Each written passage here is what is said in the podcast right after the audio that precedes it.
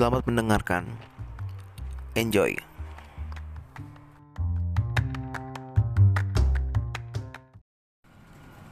Ber, hari ini ada isu-isu nih Hari ini kenapa boy? Kenapa kok? dari kalangan pemerintah. Kalangan pemerintah. Iya, gue sebut aja ya, Bapak Presiden kita ingin segera cepat-cepat mengesahkan RUU tentang Omnibus Law. Oh, Nah, sejauh yang gue ngerti nih,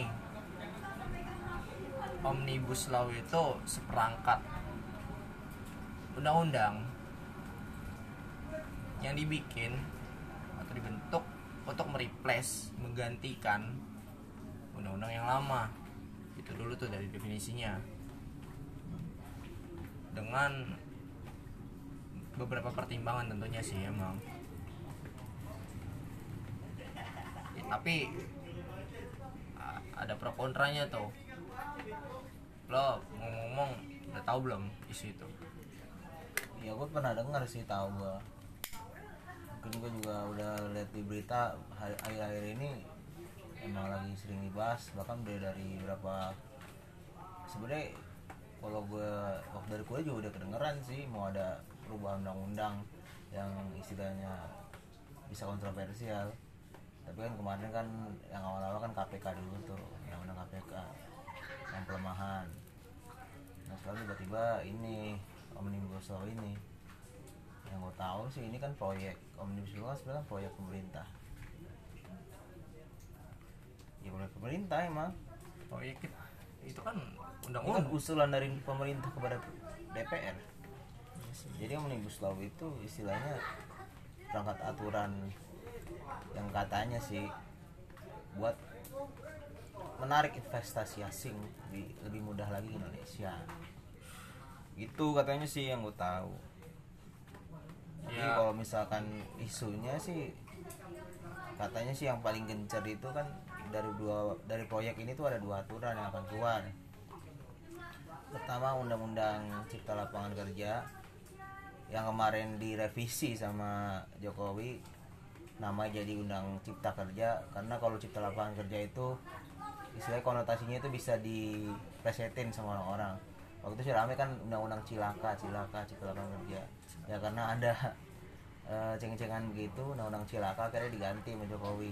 Tapi itu belum belum masih kalau misalnya di RU nya sih kalau kata orang sih masih cipta lapangan kerja. Tapi untuk nantinya kalau udah disahkan tuh di undang- undang-undang cipta kerja. Nah. Dari undang-undang cipta kerja itu kan otomatis cipta kerja. Dari bahasanya ya udah pasti ya ada pengusaha ada pekerja. Tapi selain cipta lapangan kerja adalah ada undang-undang satu lagi sebenarnya? Yang ini juga masih luput. Undang-undang perpajakan sih katanya. Hmm. katanya ada beberapa hal itu yang akan dipermudah dari segi pajak tapi gue belum tahu kalau masalah itu. Karena itu juga istilahnya ya itu tadi tujuannya itu buat menarik investasi. Sama UMKM tapi kalau UMKM ini masuknya sih ke undang-undang cipta kerja cipta lapangan kerja. Nah jadi kalau menurut lo nih worth it gak sih itu? oh kita apaan anjir? Ya menurut lo gitu loh. It, kan konotasinya kayak gini loh. Membuat seperangkat undang-undang dan menghapuskan undang-undang lama yang sekian banyaknya dibuat ya tiba-tiba kayak undang-undang itu useless. Kayak sia-sia aja waktu dibikin gitu. Kan ada ya kalau gue baca sih dari beberapa media itu sedikitnya ada sekitar 70-an ya. 70 pasal ah, pasal undang-undang bukan pasal undang-undang yang bakal dihapuskan atau digantikan. Kedudukannya sama omnibus law. Apa lo nggak mandang itu sebagai sebuah up 70-an undang-undang itu sebagai sebuah sia-sia itu useless nggak kepake. Nggak tahu dah gue baru baru dengar. Yang gue tahu cuma dua undang-undang doang. Kalau misalkan proyeknya sampai 70 undang-undang lo bilang ya, ya luar biasa itu kerja keras pada anggota DPR itu. Biar ada kerjaan nggak apa-apa. Tapi permasalahannya isinya kayak gimana? Isinya itu ya. yang harus jadi fokus sih kalau gue bilang. Nggak fokus juga sih. Karena gue mikirnya juga selama ini undang-undang yang ada juga nggak jelas dan kalau misalkan mau compare misalkan nih compare nih misalkan undang-undang cipta kerja sama undang-undang ketenaga kerjaan. Mending mana? Ya nggak ada yang mending sama aja. Ya intinya kan selama ini undang-undang ini dibuat tuh apa ya bisa dibilang undang-undang ketenaga kerjaan. Tapi ya nggak ada perlindungan sama sekali buat pekerja menurut gue malah dari dulu mau undang-undang 13 kek. Mau akhirnya ada PP 78 kek. Mau ada antara yang baru cipta kerja kek. Ya nggak ada yang baik juga menurut gua. Buat pekerja sendiri. Kalau buat pengusaha ya mungkin iya di situ. Karena logika yang dibangun kan lagi-lagi ini untuk investasi. Investasi. investasi ya mau nggak mau kalau ada investasi ya harus ada tenaga kerja yang banyak makanya dia katakan cipta lapangan kerja. Tapi kalau pengusaha pola pikirnya itu pasti dia maunya tenaga kerja banyak dan murah Murah. dan fleksibel. Gampang diatur. Lo kalau misalkan jadi pengusaha pasti pola pikirnya begitu. Lo ma- mau ada pekerja yang istilahnya tenaganya itu bisa dipakai semaksimal mungkin dieksploitasi semaksimal mungkin terus bisa ditempatkan di mana pun bisa diberhentikan juga kapan pun dengan gaji yang minim. Itu pola pikirnya kalau misalkan investasi atau bukan investasi sih kalau pikir pengusaha sih menurut gua. Walaupun ya ya gua nggak bisa mengeneralisasi semua pengusaha kayak gitu. Ya nggak semua sih emang. Ada yang baik kok di antara mereka tetap yang baik mungkin pengusaha eh, pengusaha sosial media baik tuh ya. Baik dia. Orang di Yulata doang. Eh, kan lo mau mau apa enggak intinya kalau pengusaha sosial media lo mau kerja silakan. Yang enggak nggak dapat duit. Kayak gitu. Sama aja persis ya ah lah. Semua juga kerja kayak gini. Ya udah nih. Kalau dari yang gue tangkap nih dari draftnya ya. Ush, ngeri banget draft. Kita masuk ke draft aja.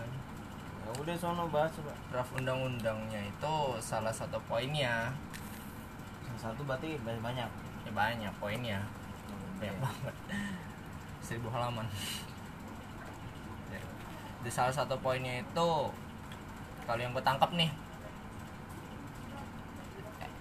e- emang tujuannya itu ya narasinya dulu ya. Narasi yang dibangun untuk menyederhanakan regulasi mempersingkat dan mempercepat pertumbuhan ekonomi nah dari berangkat dari narasi itu hasilnya di salah satu poinnya ya pemerintah ngebagi menjadi tiga sektor. Risiko kecil, risiko menengah, dan risiko tinggi yang disebutkan kriteria syarat-syaratnya tuh. Ada syarat-syarat kriterianya dibagi tiga. Kalau untuk usaha risiko kecil, risiko menengah, risiko tinggi, risiko besar. Ya, ya begitu cara baginya gue nggak tahu. Ya, pokoknya begitu cara baginya. Terus kalau di draftnya dibagi tiga. Yang apa poin paling pentingnya itu di antara ketiganya itu memiliki kesamaan cuma satu. Kayak siup. Ya surat izin usaha gitu. Kalau itu doang yang ditekankan ya. Yang ditekankan di situ semua kita kita bahkan gua bisa bikin usaha cuma ngurus siup dong udah bisa jadi. Ya dengan regulasi yang lain tentunya bayar pajak ya. Itu belum ada sih kalau gue lihat di draftnya. Tapi yang jelas kalau gue mau bikin usaha itu cuma memerlukan surat isinya doang. Namanya apa itu lupa gue di surat izin lah pokoknya yang a- diberi nomor oleh negara pokoknya. Diberi kode. Kode buntut. Oh, tahu kode lah. Ya nomor di penomoran nah kayak nim NSN kode nah, nik. terus kenapa emang masalahnya? Apa jadi problem. kalau kalau menurut gue ya yang tadinya regulasinya terlalu panjang dipersingkat. Ya pokoknya gitulah terus juga ada di poin lain yang regulasinya seolah-olah itu kayak menyepelekan aspek faktor yang lain gitu. Yang penting lo bikin usaha lo punya izin plus amdal dan bayar pajak tentunya ya pajak amdal izin. Udah itu doang. Kayak regulasi yang lain gitu. Kayak misalkan dilihat dari faktor sosial kultur kita itu enggak. Itu mereka masih bodoh mungkin ya. Atau budaya atau faktor agama. Nah kalau untuk yang berat ditambah lagi. Ada harus memenuhi kayak standar nasional. Ya kayak standar nasionalnya si pemerintah ya pokoknya ada lah nanti buat diuji gitu bahan atau produknya atau jasanya itu udah sesuai standar belum? Sama yang pemerintah pusat mau. Itu tambahan untuk bisnis dengan risiko besar. Jadi risiko kecil menengah besar kayak gitu. Terus juga untuk ah, ini poin paling penting nih. Pertama dari waktu kerja aja. Gue bahas dari waktu kerja itu berubah yang awalnya itu seminggu. Rata-rata ya. Seminggu libur satu hari Sabtu masuk setengah hari. Jadi di dalam waktu satu minggu kita diberikan libur satu hari plus hari Sabtunya kalau weekend itu masuk setengah hari. Itu udah ketentuan umum pemerintah sebelumnya dan sekarang dihapuskan. Jadi libur satu minggu selama satu hari. Dan jam kerjanya nih mungkin di sini ada poin plusnya. Paling lama waktu kerja ada 8 jam dengan ya waktu istirahat nggak dihitung sebagai jam kerja. Jadi kita murni 8 jam. Ya bukan dari dulu kayak gitu ya jadi ya bisa aspek ya emang jam kerja kayak gitu lah kan iya ya maksudnya tetap nggak ada perubahan untuk di sisi itu. Terus kenapa kok nggak ada perubahan? Nah bagus. tapi ada yang diubahnya itu di bagian 4 jam 4 jam pertama secara terus menerus itu kita diperbolehkan istirahat. Bunyi undang-undangnya. 4 jam pertama jadi kita masuk jam 7 4 jam kemudian jam 11 itu kita wajib istirahat wajib itu. Istirahat 4 jam. Itu nggak boleh lebih dari itu. Nah juga untuk waktu kan gue ngomongin waktu lagi. Gue baca juga di ayat berikutnya paling lama waktu lembur adalah ayat 4 apaan tuh anjir? jam. Hah? ayat apaan? Ayat kursi? Ya di, di ayat berikutnya di poin berikutnya maksudnya. Di poin-poin berikutnya itu rokok mana rokok? Rokok mana tadi rokoknya? Tahu rokok mana? Udah ngomong-ngomong aja ya pokoknya ah ini juga lembur maksimal 4 jam. Dan itu lemburnya sifatnya itu loyalitas. Ada rokok oh asumsi rokok. enggak di ayatnya kayak gitu sumpah gue baca. Jadi di ayat berikutnya langsung dijelaskan apabila melebihi waktu yang ditentukan pada poin sebelumnya poin sebelumnya itu maksimal 4 jam. Maka pengusaha wajib membayar upah lembur. Otomatis apa bahasanya di situ? Kalau selama 4 jam itu kita gratis tenaga kita. Free. Jadi hmm, bisa dibilang lembur tambah kerja kayak 12 jam gitu sih. 4 jam loh. Kita nggak apabila ya melebihi dari 4 jam itu bunyinya wajib membayar upah lembur sesuai dengan perjanjian tentunya upah lemburnya. Jangan UMP atau apa. Ya sesuai kesepakatan. Tapi di situ bunyinya di di poin berikut yang lucu setelah 4 jam melebihi waktu yang ditentukan untuk lembur itu ya maksudnya 5 jam lembur itu wajib membayar. Jadi maksim ya jadi maksimal dengan kata lain ya sebuah perusahaan bisa makan tenaga kita 12 jam literally. Literally. Secara bahasanya kayak gitu. Ada draftnya serius nih lu baca deh jangan percaya kan? Agak sulit dipercaya kan? Ya tapi emang gitu. Apabila pelaku usaha menggunakan tenaga kerjanya melebihi dari 4 jam wajib membayar. Berarti kalau nggak nyampe 4 jam 2 jam lah taruh. Atau tiga jam taruh. Dia apa berarti bunyinya? Nggak wajib membayar kan sederhananya kan kayak gitu nah, tahu dah gua Ah, next lagi ya. Jadi next lagi nih untuk waktu ya. Kalau waktu biasanya dimulai dengan kontrak tuh.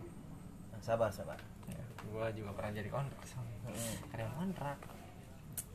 Itu lucunya maksimal nggak udah nggak ada lagi kalau zaman dulu maksimal 2 tahun ya kontrak ya harus segera diangkat kan tiga anjir apa, apa tiga ya tiga apa dua ya pokoknya diangkat kan. Jadi karyawan tetap atau apa habis kontrak lah itu. Kalau pekerja penagih dan ini bunyinya udah nggak ada. Dihapuskan nggak ada yang mengatur tentang hal itu udah nggak ada. Yang ada malah diganti dengan uang. Jadi kayak enak berduit dong. Eh ya tunjangan hari raya gitu mas. Ya tapi bisa dibilang juga menghilangkan kayak masa depan itu orang sih di situ. Maksudnya lo nggak ada kepastian kerja. Karena lo akan selalu dikontrak dikontrak dikontrak. Jadi kalau yang undang-undang kemarin mewajibkan ya tiga tahun apa dua tahun itu bunyinya langsung di karyawan tetapin kan. Ada ada SK pengangkatannya kan. Surat keterangan dia dia udah nggak jadi kontrak dia karyawan tetap. Sekarang udah nggak ada yang kayak gitu. Berarti ya kita bisa kontrak aja terus dengan membayar berapa? Bunyi undang-undangnya itu ya kalau tiga tahun berhak mendapat gaji dua bulan. Kalau empat tahun tiga bulan. Kalau lima tahun empat bulan. Pokoknya dikurang satu sama dengan bulan. Eh iya iya. Dia ngitungnya kayak gitu. Ya I don't know why ya cuma terus terus bacotin terus? Ya udah balik ah, terus upah. Nah, upah emang bagus. Diatur dalam peraturan gubernur ya maksudnya UMP sesuai provinsi masing-masing. Tetapi adanya aduh di di poin berikutnya tadi tadi gue baca. Tapi apabila apabila tidak sanggup maka maka sang pengusaha pelaku usaha tadi wajib meminta surat dari keterangan badan statistik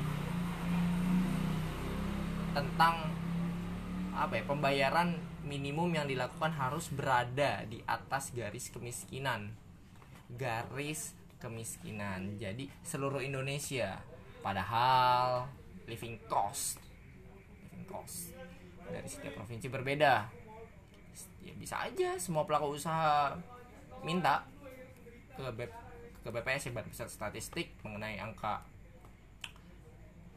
angka-angka itu yang dibawa garis kemiskinan dengan dalih ya mereka nggak mampu dengan alasan apa itu ada poin-poinnya yang yang menyebabkan dibolehkannya pelaku usaha nggak nggak membayar upah sesuai dengan ketentuan Pemdanya masing-masing ya. Maksudnya ya itu ya gubernurnya masing-masing yang udah menetapkan upah minimum standarnya di provinsinya. Nah balik lagi nih soal waktu tadi ya. Gua agak menggelitik di ayat 3 itu bunyinya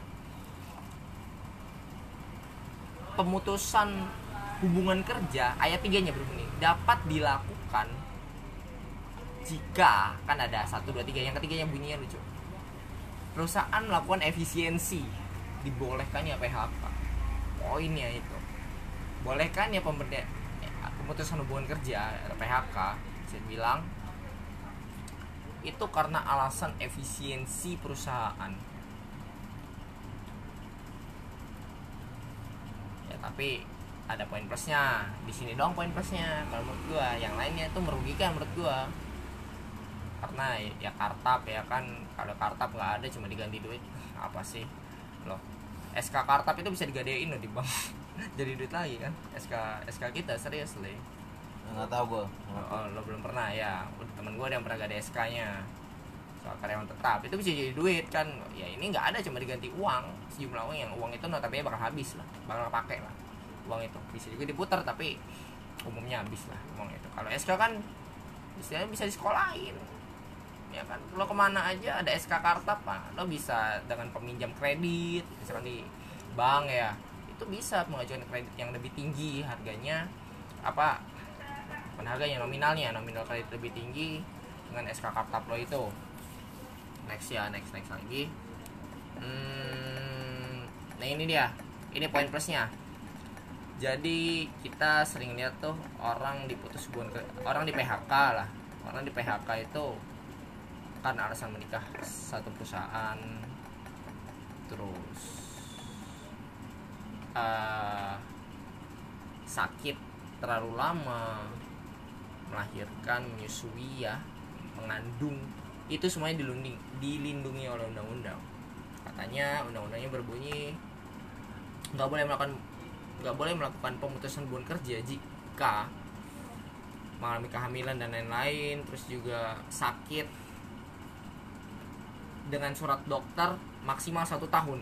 Enak satu tahun. Kalau ada surat dari keterangan dokter resmi itu dia bisa sakit sampai satu tahun dan perusahaan nggak berhak. Bunyinya sih nggak berhak untuk melak- apa melakukan PHK kepada orang tersebut. Yang terakhir menikah lah. Kawin.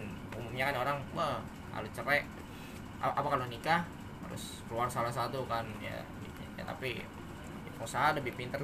Gue nggak tahu tuh kalau misalkan kalau kita udah tanda tangan bersedia untuk tidak menikah itu ya gue nggak ngerti hubungannya. Kalau kita melanggar itu yang mana yang didahulukan? Antara antara tanda tangan kita atau apa? Apa kalau menurut lo apa? Kalau misalkan ada tuh bunyinya bersedia tidak menikah kan? Nah tapi kalau kita menikah gimana? Di satu sisi kita udah melanggar perjanjian di satu sisi ya itu perusahaan nggak boleh PHK kita. Kalau menurut lo gimana? Kalau untuk di poin yang itu? Menurut gue ya undang-undangnya nggak jelas. Yang jelas. Kurang lengkap ya. Kurang detail lah ya. Aturan Hehe. di- ditambah lagi. Di perusahaan nggak boleh ya untuk untuk melarang apa? Calon pekerja untuk menikah ya, ya. Larang terus. Orang mau kawin masa nggak boleh. Mau enak enak masa nggak boleh? Gokil nih perusahaan negara juga nggak jelas yang ngelindunginnya juga sebatas itu doang. Nggak tahu deh tuh itu kalau digugat di sidangan siapa yang menang? Nggak tahu atau multi tafsir juga sih itu. Bisa dibikin ketahuan prestasi karena kita melanggar juga perusahaan salah ya tapi Pi, namanya rakyat pasti disalahin ya. Namanya rakyat ya pasti disalahin lah. Terus terus Terus yang diatur ya itu dia UMKM dilindungi istilahnya negara memfasilitasi dengan lembaga hukum. Difasilitasi lah. Di di bawah payung hukum istilahnya. Nah, alhamdulillah. Sama negara. Alhamdulillahnya di situ. Bagus sih bagus. Syukurillah. bagus. UMKM-nya doang tapi untuk yang lain enggak. Ya kalau menurut gua kalau sejauh ini ya sejauh ini kalau yang baru gua baca sih cuma sam- sampai poin itu yang bagus itu ya melindungi orang yang nikah mengandung dan sakit karena ada ancaman. Ya biasanya tuh kalau orang sakit lama tuh udah disuruh resign gitu. Wah yang gua ngerti. Apa gitu lah. Tapi lucunya kalau di perusahaan gua mantan perusahaan gua mantan gua bekerja di situ gua disuruh bikin clearing sheet. Gua menyatakan mengundurkan diri dari situ. Gua nggak ngerti itu kenapa kalau nggak perpanjang kontrak wajib ngisi itu katanya. Wajib ngisi clearing sheet pengunduran diri. Yang di undang-undang dilindungi sih nggak boleh memecat kecuali poin-poin poin-poin ada tuh poin pengunduran diri. Tapi biasanya nih biasanya perusahaan itu mecatnya lewat pengunduran diri clearing sheet namanya. Istilah kalau di kantor gue sih nyebutnya cle- clearing sheet katanya kayak gitu. Oke oke oke. Dah lo ambil deh coba. Kesimpulannya yang gimana tuh? Anjing kesimpulan kesimpulan aja apa apa ya udah lo jabarin lagi boleh lebih dalam lebih detail. Ya gue nggak nggak bisa jabar lebih dalam aja sih. Paling gue ya mau berpendapat aja lah. Kalau menurut gue undang-undang ini ya gue nggak tahu sih isi isi pasti kayak gimana karena gue takutnya juga ntar yang yang yang lo baca tadi itu masih istilahnya draft bohong-bohongan. Hmm. belum tentu yang itu isinya. Tiba-tiba keluar lebih serem lagi kan bisa. Iya. sini. Tapi kalau misalkan lo pengen ya kita bahas ini nggak apa-apa. Kalau gue sih lebih ke intinya ya memang eh, kalau gue juga lihat di berita masih bang Siol juga sih. Apa yang menjadi pokok bahasan tapi kalau misalkan yang lo bilang tadi berarti kan ada terutama tentang kalau misalkan yang ini ya cipta kerja ya. Iya, cipta. kalau yang berpajak yang pajak itu gue juga nggak terlalu dalemin lah. Itu intinya ya kalau pajak ya pokoknya ya masuk mungkin dipermudah ntar. Izin-izin pajak dipermudah juga. Ya itu dia politiknya kan emang ya investasi mau nggak mau karena pengusaha juga ogah di sini dipalakin doang kerjaannya. Tapi bingung juga kalau misalkan undang-undang itu bisa dibuat untuk mempermudah birokrasi tapi KPK diperlemah yang sama ya bohong.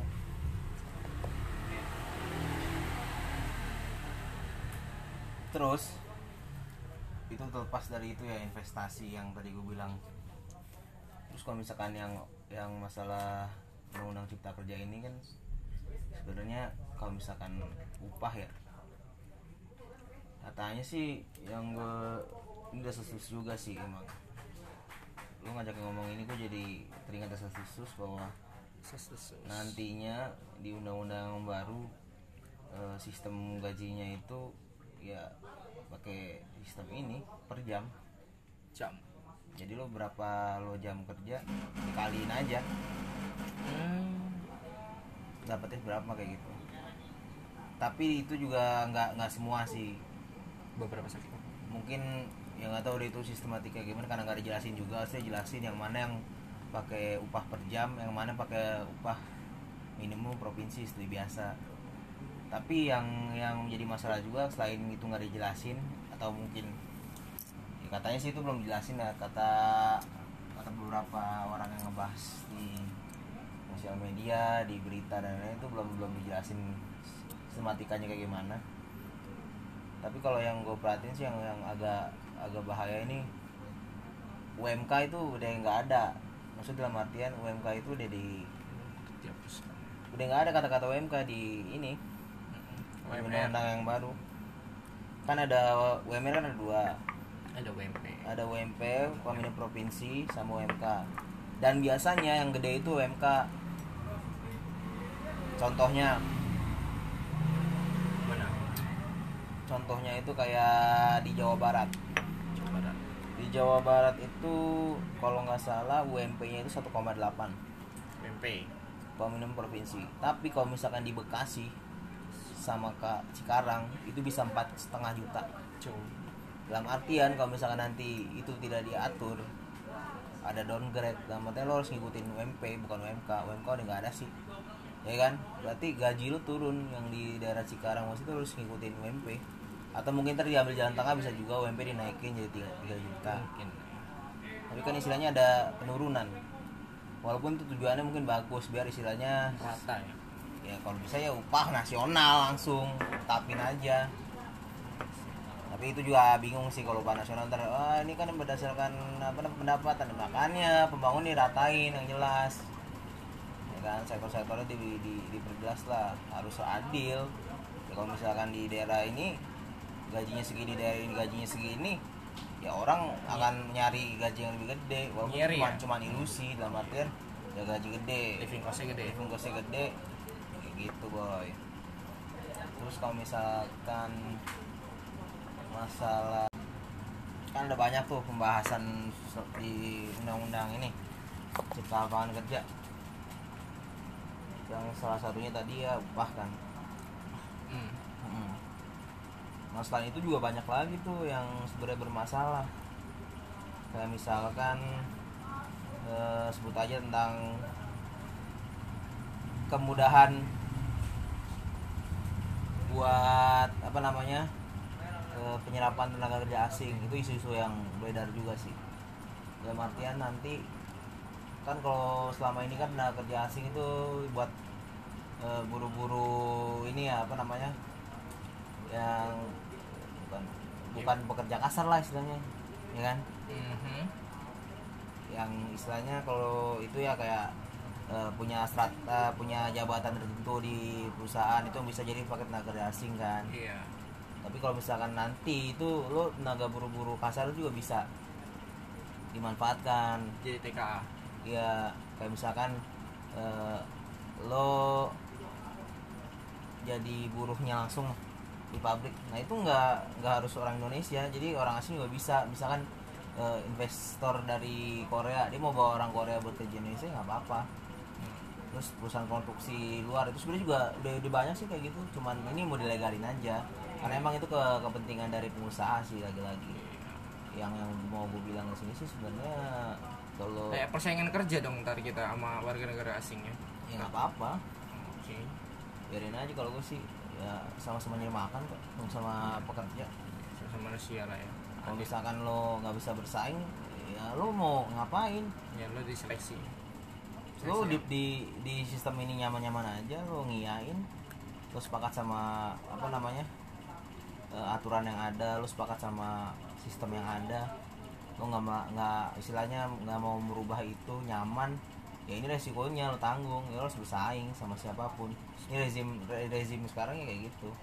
Bahkan di dunia udah kayak gitu masyarakat ekonomi Asia itu bukan hal isapan jempol lagi itu bisa jadi kenyataan menurut gua. Ya dan objektif lah ini. Dan juga ini kan istilahnya apa ya? Ya balik lagi. Gua istilahnya juga udah mikir ya kita nyalahin eh, anggota dewan misalkan atau pemerintah. Tapi lu milih mereka dulu kan? 12 ya lo nyoblos milih mereka dengan berharap bahwa eh, akan ada perubahan dari mereka. Nah itu kesalahan kita juga dalam artian ya kita tuh terlalu terlalu mudah untuk memilih orang-orang yang nggak jelas dalam artian lo gampang banget istilahnya dibohongin sama otoriter otoriter doang. Bahasanya kan indah-indah. Iya nanti itu. Bagus bahasanya. Jadi istilahnya lo masih percaya sama kayak gitu-gituan ya salah lo sendiri. Akhirnya kayak gini. Undang-undang jelas keluar kan. Yes. Lo masih percaya perwakilan?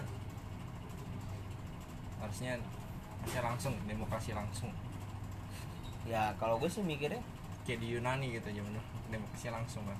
Gue mikirnya kalau misalkan ngomong masa demokrasi ya gue bukan anti demokrasi. Tapi hmm, prinsip demokrasi modern di mana setiap orang itu dengan pola pikir bahwa setelah kita memilih kita mengalihkan kedaulatan kita yang tadinya adalah milik kita sebagai rakyat itu kepada wakil-wakil kita itu udah salah besar. Karena kita nggak punya instrumen dalam artian eh, kita nggak punya instrumen untuk menarik kedaulatan kita. Jadi istilahnya lo udah udah ikutkan kontrak mati. Lo mau nggak mau nantinya semua kepentingan yang ada di luar dari kepentingan lo yang lo bawa di parlemen dan menjadi undang-undang itu termasuk kepentingan lo. Dibawa di situ. Mewakili- suara gua ya? Iya karena kita udah tekan kontrak itu secara teoritisnya kayak gitu kan ya ini dia sistem demokrasi perwakilan. Maksud gue ya yang salah itu sistem demokrasinya. Mau itu Jok Jokowi pro investasi asing ya karena kita juga milih dia. Kita juga sepakat sama sistem ini kan? Iya. Itu bro. Menurut gua.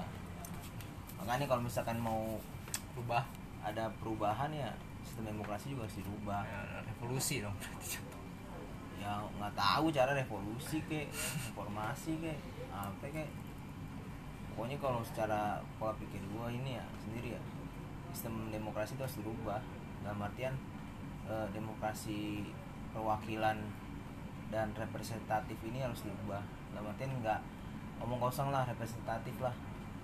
Lo dari jutaan masyarakat Indonesia cuman di 500 orang. dianggap oleh beberapa orang dewan. 500an ya. 500an orang.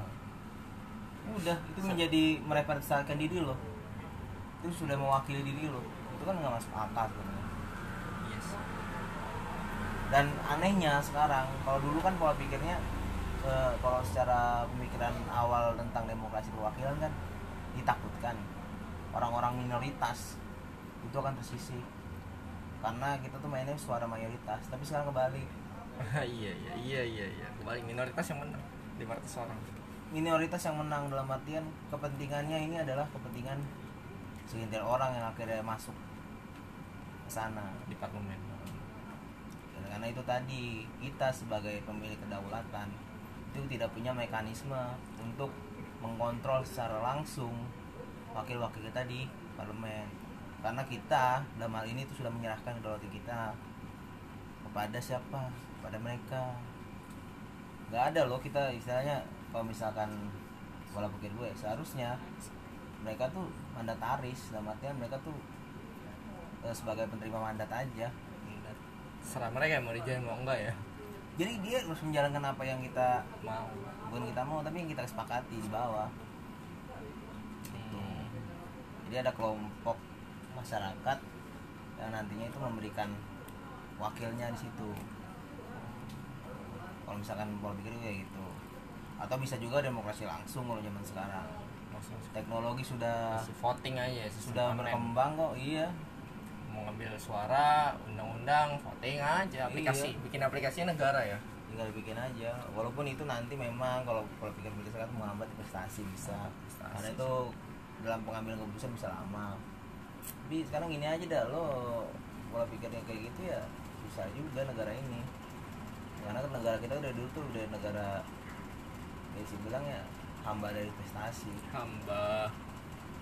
Hamba investasi jadi kayak kebingungan kalau misalkan eh, nggak ada investasi kita mau nyari dari mana? Income dolarnya masuknya dari investasi ya? Mm-mm. income kita lumayan kasih investasi? Iya sih investasi. Mau utang bet utang juga income loh ya, Ya. ya walaupun akan keluar lagi tapi maksudnya itu pendapatan. Kalau secara ekonomi ya. Utang pendapatan. Soalnya kenapa gue bilang kayak gitu ya? Ya karena selama ini oke lah ada undang-undang yang eh, mementingkan rakyat banyak. Tapi kebanyakan juga nggak mementingkan rakyat banyak segelintir orang. Karena itu tadi kita tuh cuman istilahnya nggak punya mekanisme untuk melawan balik ke baik baik dalam artian ya kita cuman bisa protes saja sama berharap dalam pembuatan undang-undangnya ini dalam pembuatan aturan dalam pembuatan kebijakan ada peran serta dari masyarakat. Karena memang secara undang-undangnya juga eh, sebenarnya disyaratkan dalam undang-undang dalam apa undang-undang pembuatan peraturan undang-undangan itu ada peran serta masyarakat tapi itu kan juga tadi pilih lagi peran masyarakat mana yang dia diambil ambil untuk ini ya kan? Tentu populasi yang paling banyak sih harusnya kalau Iya. demokrasi karena kita juga malas untuk istilahnya berpikir eh, sistem yang lebih baik itu kayak gimana untuk menanggulangi kayak gini-gini lah. Jadi ya dalam pembuatan peraturan perundang-undangan yang nggak jelas. Salah-salah monopoli harus itu orang ya kan? 500 orang anggota dewan ya mereka lebih pentingan kepentingan partainya nantinya. Partai kelompok partai sokong misalkan sama pengusaha bisa aja kan makanya. Kayak kemarin tiba-tiba PKS mendukung omnibus law untuk kepentingan investasi ya karena memang istilahnya mungkin ada yang naruh di, saham. di balik gue ngomong ngomong pokoknya di balik ini tuh ada kesatuan pandangan dari mereka semua. Kesamaannya ya iya. Sama tujuan ya. Karena mungkin yang para pemimpinnya juga para pengusaha kan kayak gitu kita ya rata-rata ya pengusaha lah. Bayangin seorang oposisi tiba-tiba sepakat sama pemerintah kan hal yang aneh ya? aneh. Tapi nggak nggak aneh juga akhirnya karena memang ada. di di partai politik rata-rata juga banyak kan. Itu golongan pengusaha juga. Jadi ya lebih menguntungkan mereka lah harusnya kan undang-undang ini. Semua sih kalau bilang mah semuanya pengusaha iya. Semuanya kalau gue bilang mah enggak ya ada sih mungkin ada tapi ya mungkin. Ya. Bukan bukan mungkin aja dah. Enggak ya enggak mampu mewakili. Intinya lu kalau udah apa namanya memilih kemarin ya Mhm. menggunakan suara lo ya lo harus siap-siap untuk disalahgunakan suara lo sama mereka ya kayak gitu aja sih pola pikir karena lu sebagai pemilik kedaulatan itu sudah secara sukarela secara apa namanya secara sadar memberikan kedaulatan lo pada para anggota dewan pada eh, eksekutif. Hmm. untuk me- apa namanya menggunakan kedaulatan lo tersebut. Ya udah lo nikmatin aja. Dan juga istilahnya kita sebagai generasi muda juga malas untuk berpikir eh, pola pikir yang eh pola pikir sistem apa yang harusnya dibangun. Jadi kita tuh pola pikir permukaan aja ada undang-undang jelek. Wah nih jelek nih pasti ntar ada lagi. Yang jelek malah ya? Ya kan emang sistemnya kayak gini. Lu nggak lu nggak mau berpikir bagaimana caranya biar dalam pembuatan undang-undang ini tuh lebih baik loh. Ada peran serta masyarakat. Gitu bro Om sih kayak gitu. Mereka kayak juga emang malas mikir dong. Malas kalau pikirin malas mikir. Kalau buat rakyat ya malas mikirnya ya. Kayak misalkan Kalau buat mereka oh detail kan detail serinci-rincinya kan. Kalau buat masyarakat sepengalaman gue nggak ada yang detail. Selalu multi multi tafsir lah apalah ya mereka juga ada multi tafsir tentu akan menyelamatkan mereka yang multi tafsir bukan jatuhin mereka pastinya. Oh ya sama ada satu lagi sih kalau dari gua. Intinya sekarang itu kalau misalkan ada undang-undang baru pasti akan aneh menurut gua. Aneh. Intinya akan aneh dan akan nggak jelas dan istilahnya ini juga salah satu dari ini juga kesalahan kita juga karena malas untuk berpikir secara politis. Menganggap bahwa ah lo ngomongin politik ngapain sih? Gitu. Ya ini Ya, akhirnya efeknya, akibatnya. Iya. karena lo menyerahkan kepentingan politik lo untuk pada segelintir orang. Jadi oh biarin aja lah mereka yang mikir politik mah kita udah kerja aja. Ya, ya udah. Jangan atau pecat kan nggak kerja kan nah, pening malah lo kalau nggak kerja Gak ada yang nyelamatin lo kalau lo dipecat juga apa? Iya. Lo tua nggak kepake. Bisa tendang langsung nggak ada kewajiban untuk kalian tetap pulang nggak ada regulasinya. Kalau lo malas iya sih. Kalau malas mikir ya. Kalau malas mikir nih. Iya sih buat orang-orang buat malas mikir nih. Sebenarnya at least seenggaknya lo baca. Seenggaknya ya oke lah mungkin lo nggak terlalu peduli lo baca aja dampaknya impactnya ke diri lo apa nanti. Itu sih menurut ke diri gue sendiri juga sih least gue harus tahu gitu. Walaupun gue gak bisa apa-apa gue harus tahu sih. Minimal tahu aja ya sekolah-sekolah yang sadar. Nggak nggak harus ada yang sadar sih. Pokoknya ya seharusnya lo punya kebenaran yang lo pegang benar aja dah sekarang dah. Itu aja sih usah sadar sadar deh hidup di dalam mimpi aja kalau lo sadar kayak gini pusing. Ini biar biar happy happy boy. Lo kalau misalkan sadar kan kayak gini jadinya lo mikirin oh no aduh ini no no serem banget ya. Kalau gue sih nggak mau sadarin itu. Gue mau bahwa ini ya. istilahnya hal yang timbul karena kebodohan kita aja. Makanya gue ketawa aja sekarang. Karena Indonesia itu sebenarnya kenapa orang-orang Indonesia itu masih sukses sampai sekarang tuh? Karena orang Indonesia itu lucu. Banyak banyak banyak lawakan. Ya lawakan. Kayak gitu. Makanya lo banyak banyak ini aja sekarang buka Facebook dah cari lawakan. Jokes ya. Twitter. Ini nggak apa-apa mengilusi diri aja. Komedi dari candu kayak gitu. Kita mencandu sama komedi. Ya, saking nggak pedulinya udahlah ya nyari hiburan aja. Ya. Iya. alternatif ya walaupun sifatnya ilusi sementara emang nanti hiburannya. Emang Nggak iya apa-apa. Biar dagelan kan Iya biarin aja biar nyampe chaos dulu hancur lo baru dah. baru nyadar. Baru nggak nyadar lagi Baru mati. nyadar mati. Ya masih nggak nyadar mati kalau chaos ya. Heeh. kalau masih nyari dagelan loh di saat chaos ya, lo mati lah. Seleksi lah ya bener lah. Ya ini sih tatanan yang ada sekarang. Mungkin kita hanya bisa berharap pada eh, kerajaan-kerajaan baru kan yang Ya, lahir dengan sistem yang baru Sunda Empire gitu ya. terus apa lagi tuh? Nggak tahu dah gua udah amat lah. Empire Empirean ya.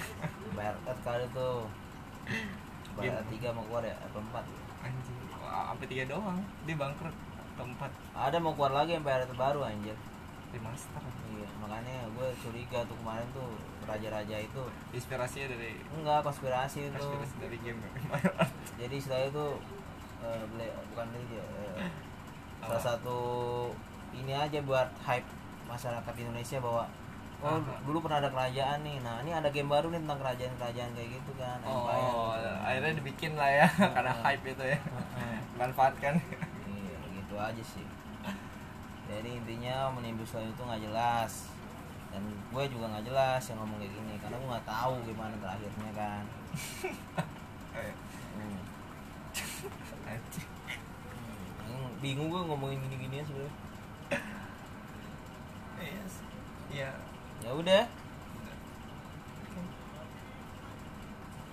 Oke, bye.